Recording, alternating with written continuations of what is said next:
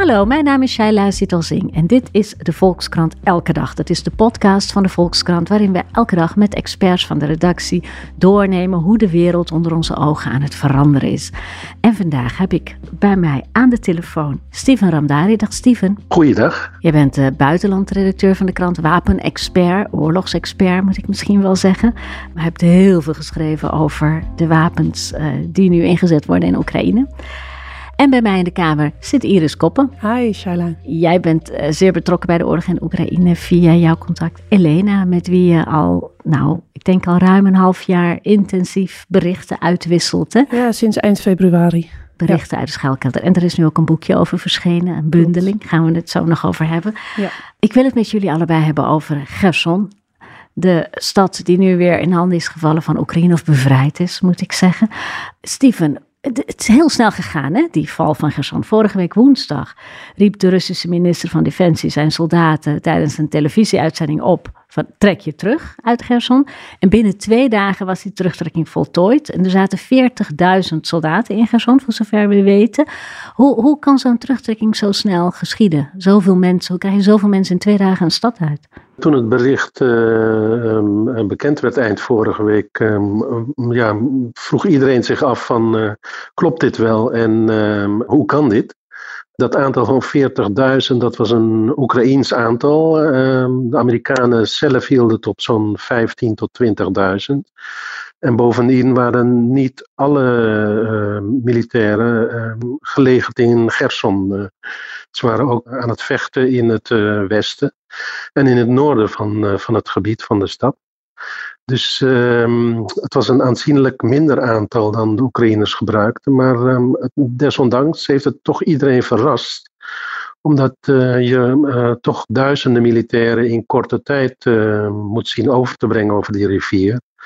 Achteraf gezien bleek de berichten juist te zijn dat voor de Russen met die aankondiging kwamen vorige week woensdag dat ze zich zouden terugtrekken waren er al berichten dat ze zich aan het uh, hergroeperen waren. De Amerikanen zagen onder andere dat ze zich richting de rivier begaven. En de berichten die toen naar buiten kwamen, blijken toch juist te zijn dat die terugtrekking toen al gaande was. Dus um, het is niet zo dat uh, in twee dagen tijd um, 15 tot 20.000 soldaten zich over de rivier hebben teruggetrokken. En ze zijn allemaal weg. Hè? De Russen zijn nu echt volledig, hebben zich echt volledig teruggetrokken achter de rivier. Hè? Ja, dat gebied. Uh, in het begin was er uh, de angst van de Oekraïners dat het op een, uh, een stadsoorlog zou uitlopen en dat er, de, de, Russen toch zouden vechten om de stad. Dat bleek allemaal niet juist te zijn. En ehm, ze hebben het hele gebied, inclusief het gebied rond Gerson, hebben ze helemaal verlaten en zijn, hebben nu posities ingenomen aan de, aan de overkant van de rivier. Weliswaar wel op veilige afstand van, uh, van de Oekraïnse artillerie. Het is in zekere zin natuurlijk um, nou ja, een nederlaag voor Rusland. Hè. We hebben uh, Igor Girgin, die um, is een, een, hardliner, die ook een verdachte in, in de MH17-zaak, overigens, waar donderdag uitspraak over wordt gedaan.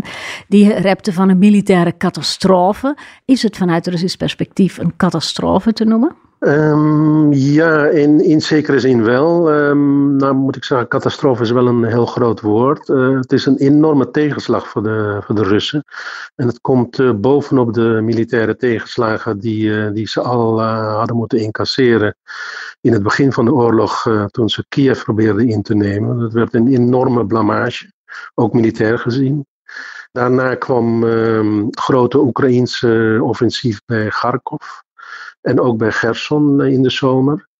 In september uh, werden de Russen teruggedreven bij Kharkov. En, uh, en nu komt uh, dit als derde grote tegenslag. Dus dat is zowel politiek als militair gezien is het een enorme tegenslag voor de Russen omdat het opnieuw aangeeft dat dat Russische leger, waar we ons al uh, 40, 50, 60 jaar op hebben voorbereid, op een eventuele oorlog, dat dat, uh, dat, dat leger niet zo machtig is uh, zoals we hadden gedacht. Nee, en ook niet bestand tegen uh, wapens, uh, met name Amerikaanse wapens, die toch in een niet aflatende stroom zijn geleverd aan Oekraïne. Het gaat met name om het Amerikaanse raketsysteem HIMARS. Dat, dat, heeft dat nou echt het verschil gemaakt, Steven? Ja, ik, in grote mate. Want um, Amerika die, uh, die, die, was eigenlijk huiverig in het begin om het, uh, dit moderne systeem, het zwaarste wapensysteem dat de Amerikanen tot nu toe hebben geleverd. Ze waren huiverig om het te leveren, omdat het vrij effectief is en omdat het ook met de juiste raketten Russisch grondgebied kon raken. Dus de regering Biden die wilde er aanvankelijk niet aan beginnen. Uh, maar uiteindelijk hebben ze voor een alternatief gekozen om een uh, raket voor het systeem te leveren. Die tot 90 kilometer kon, kon gaan. En niet om raketten met een bereik van 300 kilometer, want daarmee konden de Oekraïners Russisch grondgebied treffen. Maar um, in juni werd het systeem eindelijk geleverd en de Oekraïners hebben het heel slim ingezet bij het offensief in Gerson. Want in een paar maanden tijd slaagden ze erin om een uh, flink aantal uh, belangrijke uh, militaire doelwitten van de Russen te vernietigen. En eh, dat waren met name de, de militaire depots, de opslagplaatsen voor benzine en wapens en munitie. En zo hebben ze in uh, gaandeweg hebben ze de Russische bevoorrading eigenlijk onmogelijk gemaakt. Waardoor dat Russische leger bij Gerson steeds meer zwakker werd. En uh, het is een van de meest effectieve artilleriesystemen waarover uh, Amerika beschikt. Het kan tot op uh, meters nauwkeurig kan het een militair doelwit op een grote afstand treffen. En in de afgelopen maanden zijn ook een tal van video's naar buiten gekomen waarin je ziet hoe een militair depot plotseling vanuit de lucht wordt geraakt en explodeert als één wapen eh, ervoor heeft gezorgd dat Gerson eh, nu in handen is van, eh, van Oekraïne, dan is het het HIMARS-systeem wel. Zou je kunnen zeggen dat die Amerikaanse wapenleveranties doorslaggevend zijn in deze oorlog? Ja, absoluut. Dat, is, dat staat buiten kijf. gisteren maakte Europa bekend dat ze op minder dan de helft zitten uh, qua miljarden. De Amerikanen zitten nu op zo'n 19 miljard. 19 miljard dollar wat, uh, aan, wat ze geleverd hebben. Ja, voor, voor 19 miljard dollar aan wapensystemen van wapens. Ja, ja precies. Ja. En dat, dat, dat gaat maar door. Vorige week nog eens uh, 400 miljoen. De Amerikanen hebben sinds de oorlog hebben ze in totaal 25 van deze leveranties aangekondigd haast elke week wel een uh, grote levering. En als, als dit uh, niet was gebeurd, um, dan, dan had het Oekraïense leger al lang uh, ja, moeten toegeven dat de oorlog voorbij is en dat, ze, dat de Russen erin waren geslaagd om, om Kiev en hun belangrijke doelwit um, ja, te bereiken.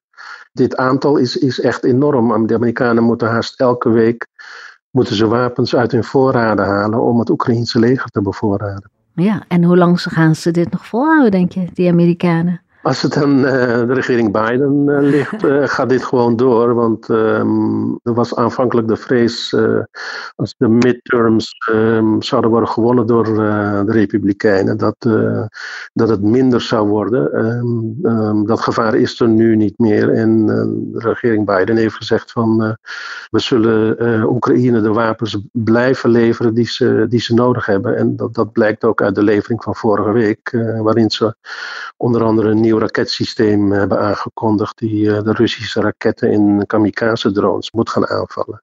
Dus voorlopig krijgt Oekraïne de wapens die het nodig heeft. Ja, en terug naar Gerson. Uh, aanvankelijk was er angst dat het een valstrik was van de Russen. Dat als, als uh, men die stad binnen zou trekken, Oekraïnse soldaten die stad binnen zou trekken, dat de Russen overal verstopt zouden hebben gezeten. Nou, dat hebben we niet gezien. Je zei al in het begin, het is een volledige terugtrekking geweest.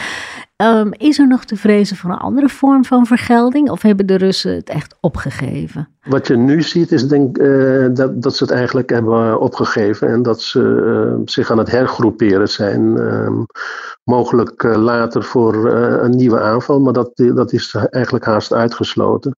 Wat je ehm, zal gaan zien is dat ze een deel van die troepen die zullen gaan gebruiken voor het offensief in de Donbass. Dat was een paar maanden geleden al duidelijk dat ze een deel van de troepen terugtrokken rond Gerson en naar eh, de Donbass aan het sturen waren. Dat zal nu in grote mate gaan gebeuren. En uh, die Russen zullen, zeker ook gezien de winter die eraan komt, hun aandacht gaan verleggen naar het volledig innemen van Donetsk. Om ervoor te zorgen dat de hele Donbass in hun handen komt. Ja, want zijn de gevechten aan die kant geïntensiveerd rond uh, Donetsk? Ja, eigenlijk um, um, gaat het uh, gewoon door. In het Westen is er eigenlijk amper aandacht voor de strijd die daar wordt geleverd. Maar haast elke dag um, vindt er een, een, slag op grote schaal plaats tussen het Oekraïense en Russische leger.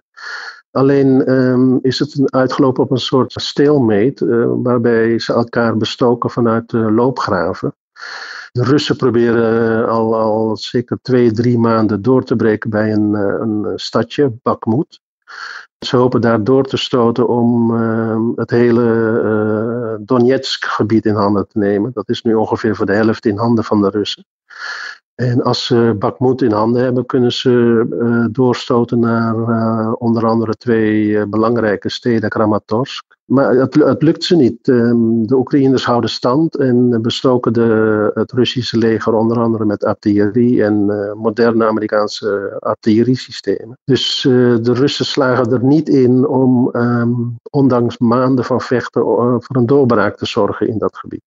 Dus dat zal de komende maanden nog gaan voortduren. Even naar Iris, Iris Koppen. Jij hebt uh, ja. contacten uh, met jouw Oekraïnse vriendin Elena, ja. uh, die dus voor de tweede keer Kiev is ontvlucht. En via haar met haar nichten die in Gerson wonen en daar tijdens de hele bezetting hebben gezeten. Ja. Weet je hoe het nu met hun gaat? Ja, ik heb toevallig Elena vanochtend nog gesproken en zij had die nichten kunnen bereiken. Ze heeft tijdens de bezetting heeft ze contact kunnen hebben uh, met die nichten. Alleen vlak na de bezet of na de bevrijding uh, verloor ze het contact met hen. Omdat de Russen toen ze zich terugtrokken uh, ja, heel veel vernield hebben nog. Dus ze zaten zonder mobiele telefonie, er was geen wifi. Maar vanochtend deed het het weer even. Dus heeft ze kunnen spreken en... Um, ja, zoveel verhalen. Kijk, het, het, het, zijn nu allemaal van die kleine voorbeelden, maar ze zitten, ja, ze moeten nu bijvoorbeeld vijf uur wachten op het centrale marktplein voor drinkwater. Dat is al een, een van de dingen die gemeld werd. Ze um, moeten drinkwater gaan halen, want het komt niet ja, meer uit de kraan. Het komt niet meer uit de kraan. Dus je moet je voorstellen, ze zitten in een hele geplunderde stad. Zonder elektriciteit, stroom, water, internet doet het af en toe. En ik kreeg details door, ook bijvoorbeeld dat het vlees bijvoorbeeld nu vijf keer zo goedkoop is.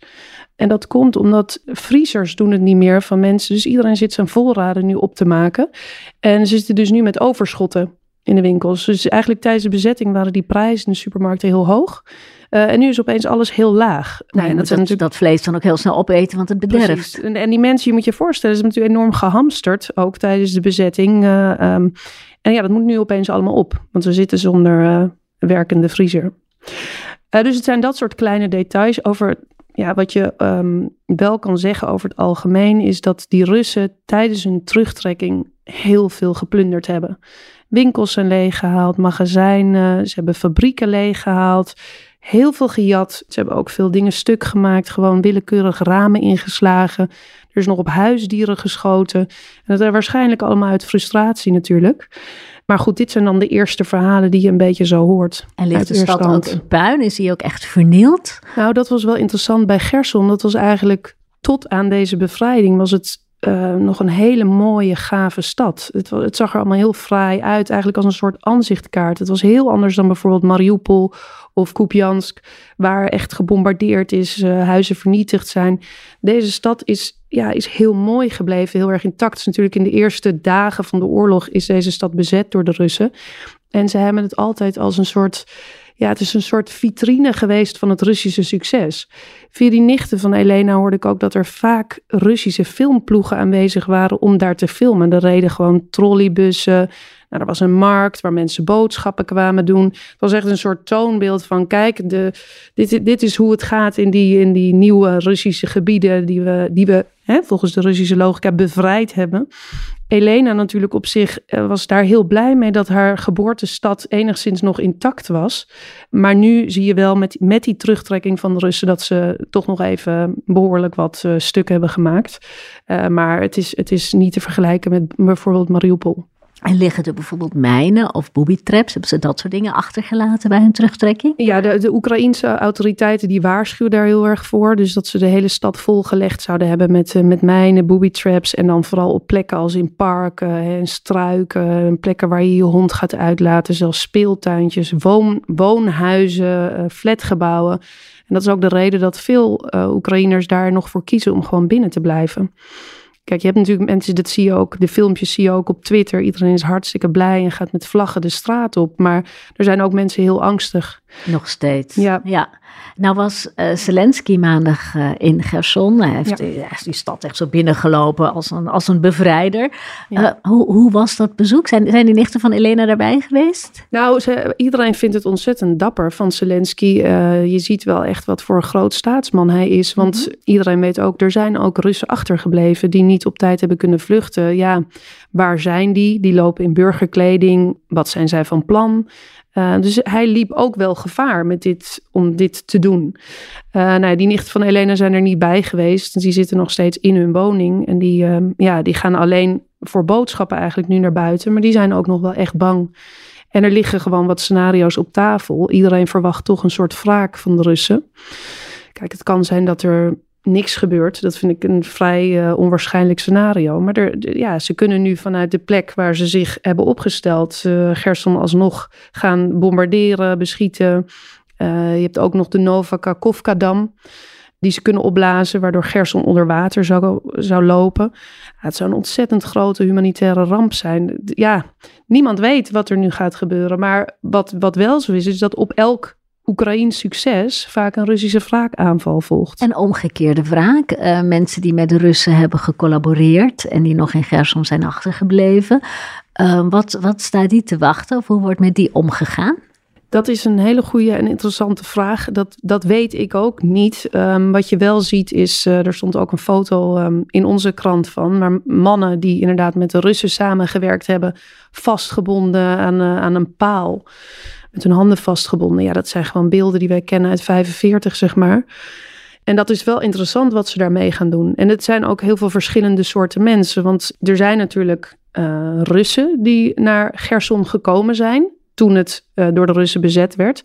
En dat zijn ook mensen die uh, ja, eigenlijk onder een soort valse voorwenselen daarheen zijn gegaan. Bijvoorbeeld, ik ken het verhaal van een leraar uit Omsk. En die kreeg een soort promotie. En die mocht dan in het nieuwe Russische Gerson mocht hij, mocht hij aan de slag op een, op een Russische school. Want dat hebben ze ook geprobeerd in Gerson om gewoon meteen het hele schoolprogramma te veranderen. Uh, ja, alles was gerussificeerd. Ja, geschiedenisboeken ja. werden aangepast. Het woord Oekraïne werd eruit gehaald als onafhankelijke staat. Kijk, en dat zijn uh, Russen die daar aan het werk zijn gegaan met het idee van uh, ik, ik blijf hier voor altijd, het is mijn nieuwe baan. Maar die, de meeste zijn gevlucht tijdens of met de terugtrekking van het Russische leger. Maar er zijn er ook misschien nog achtergebleven.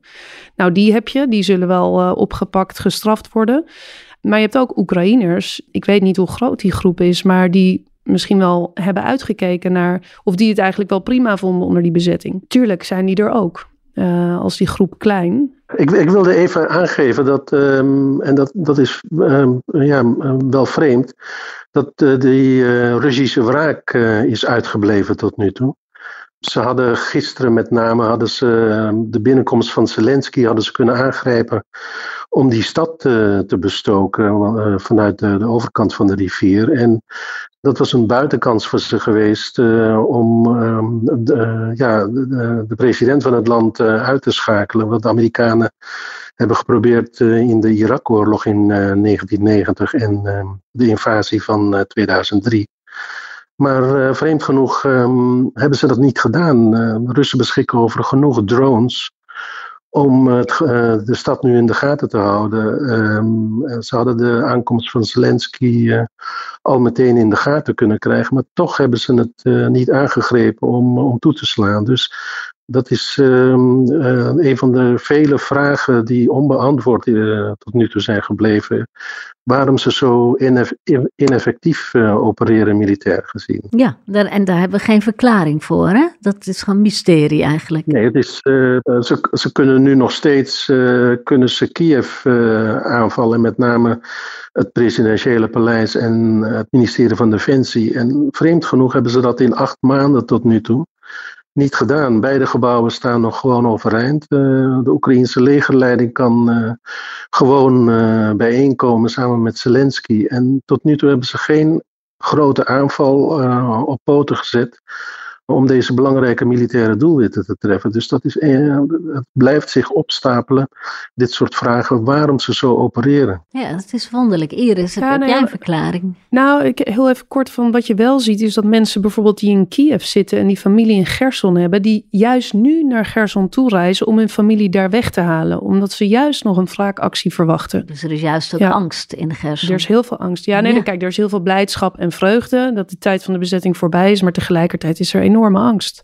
En hoe heeft die bezetter zich gedragen in Gerson? Is daar nu iets meer uh, van duidelijk? We weten bijvoorbeeld na de terugtrekking uit Bucha, dat was een slachthuis. Ja. Hebben zich ook zulke tafereelen afgespeeld in Gerson, voor zover oh. nu bekend? Ja, nou wat, wat vooral uh, nu naar buiten komt en wat zich heel erg kenmerkt voor Gerson zijn verdwijningen. Uh, daar hoor je heel veel over. Dus mensen die gewoon verdwenen zijn en ik hoorde nog een van die nichten van Helena, die vertelde ook van ja, Maart, ik heb gewoon mijn buurman gezien, die kreeg een zak over zijn hoofd, werd weggevoerd, is nooit meer teruggekomen. En in Gerson heb je heel veel van dit soort verhalen van mensen die andere mensen kwijt zijn. En het is wel anders, want je hebt niet zoals in Bucha dat er uh, lijken op, op straat liggen of zo. Maar dit, dit soort verhalen zijn er wel. En die mensen zijn niet teruggevonden op geen enkele wijze. Nee. En kunnen ze zijn weggevoerd? Want er was op een gegeven moment ook sprake van ja, deportaties. Hè, of mensen die um, naar Rusland uh, zijn afgereisd. Is, is er nu wat meer zicht op in, in wat voor getalen dat is gebeurd? Is dat een groot deel van de bevolking geweest? Ja, daar verschillen de aantallen een beetje over. Maar dat, dat, kijk, er zijn natuurlijk heel veel mensen gevlucht. Er zijn mensen verdwenen. En er zijn eigenlijk vlak voor de bevrijding, die maand daarvoor, zijn er heel veel mensen inderdaad uh, uh, gedwongen weggevoerd. Ja. En dat zijn kinderen, maar dat zijn ook ehm, ja, vrouwen van wie gewoon alles is afgenomen. Telefoon, papieren ja, die, die kan je niet zo nu snel terugvinden. Dus dat, ja, dat zal met onderzoek moeten gaan en uh, dat, dat zal nu allemaal uh, duidelijk worden. En we weten dus eigenlijk ook niet welk deel van de bevolking, of hoe groot het deel van de bevolking van Gerson is dat er niet meer is, dat op enige wijze verdwenen is. Nee, nou, er, er zou wel 75% zou gevlucht zijn. Um, en het overige deel daarvan is dus een deel verdwenen.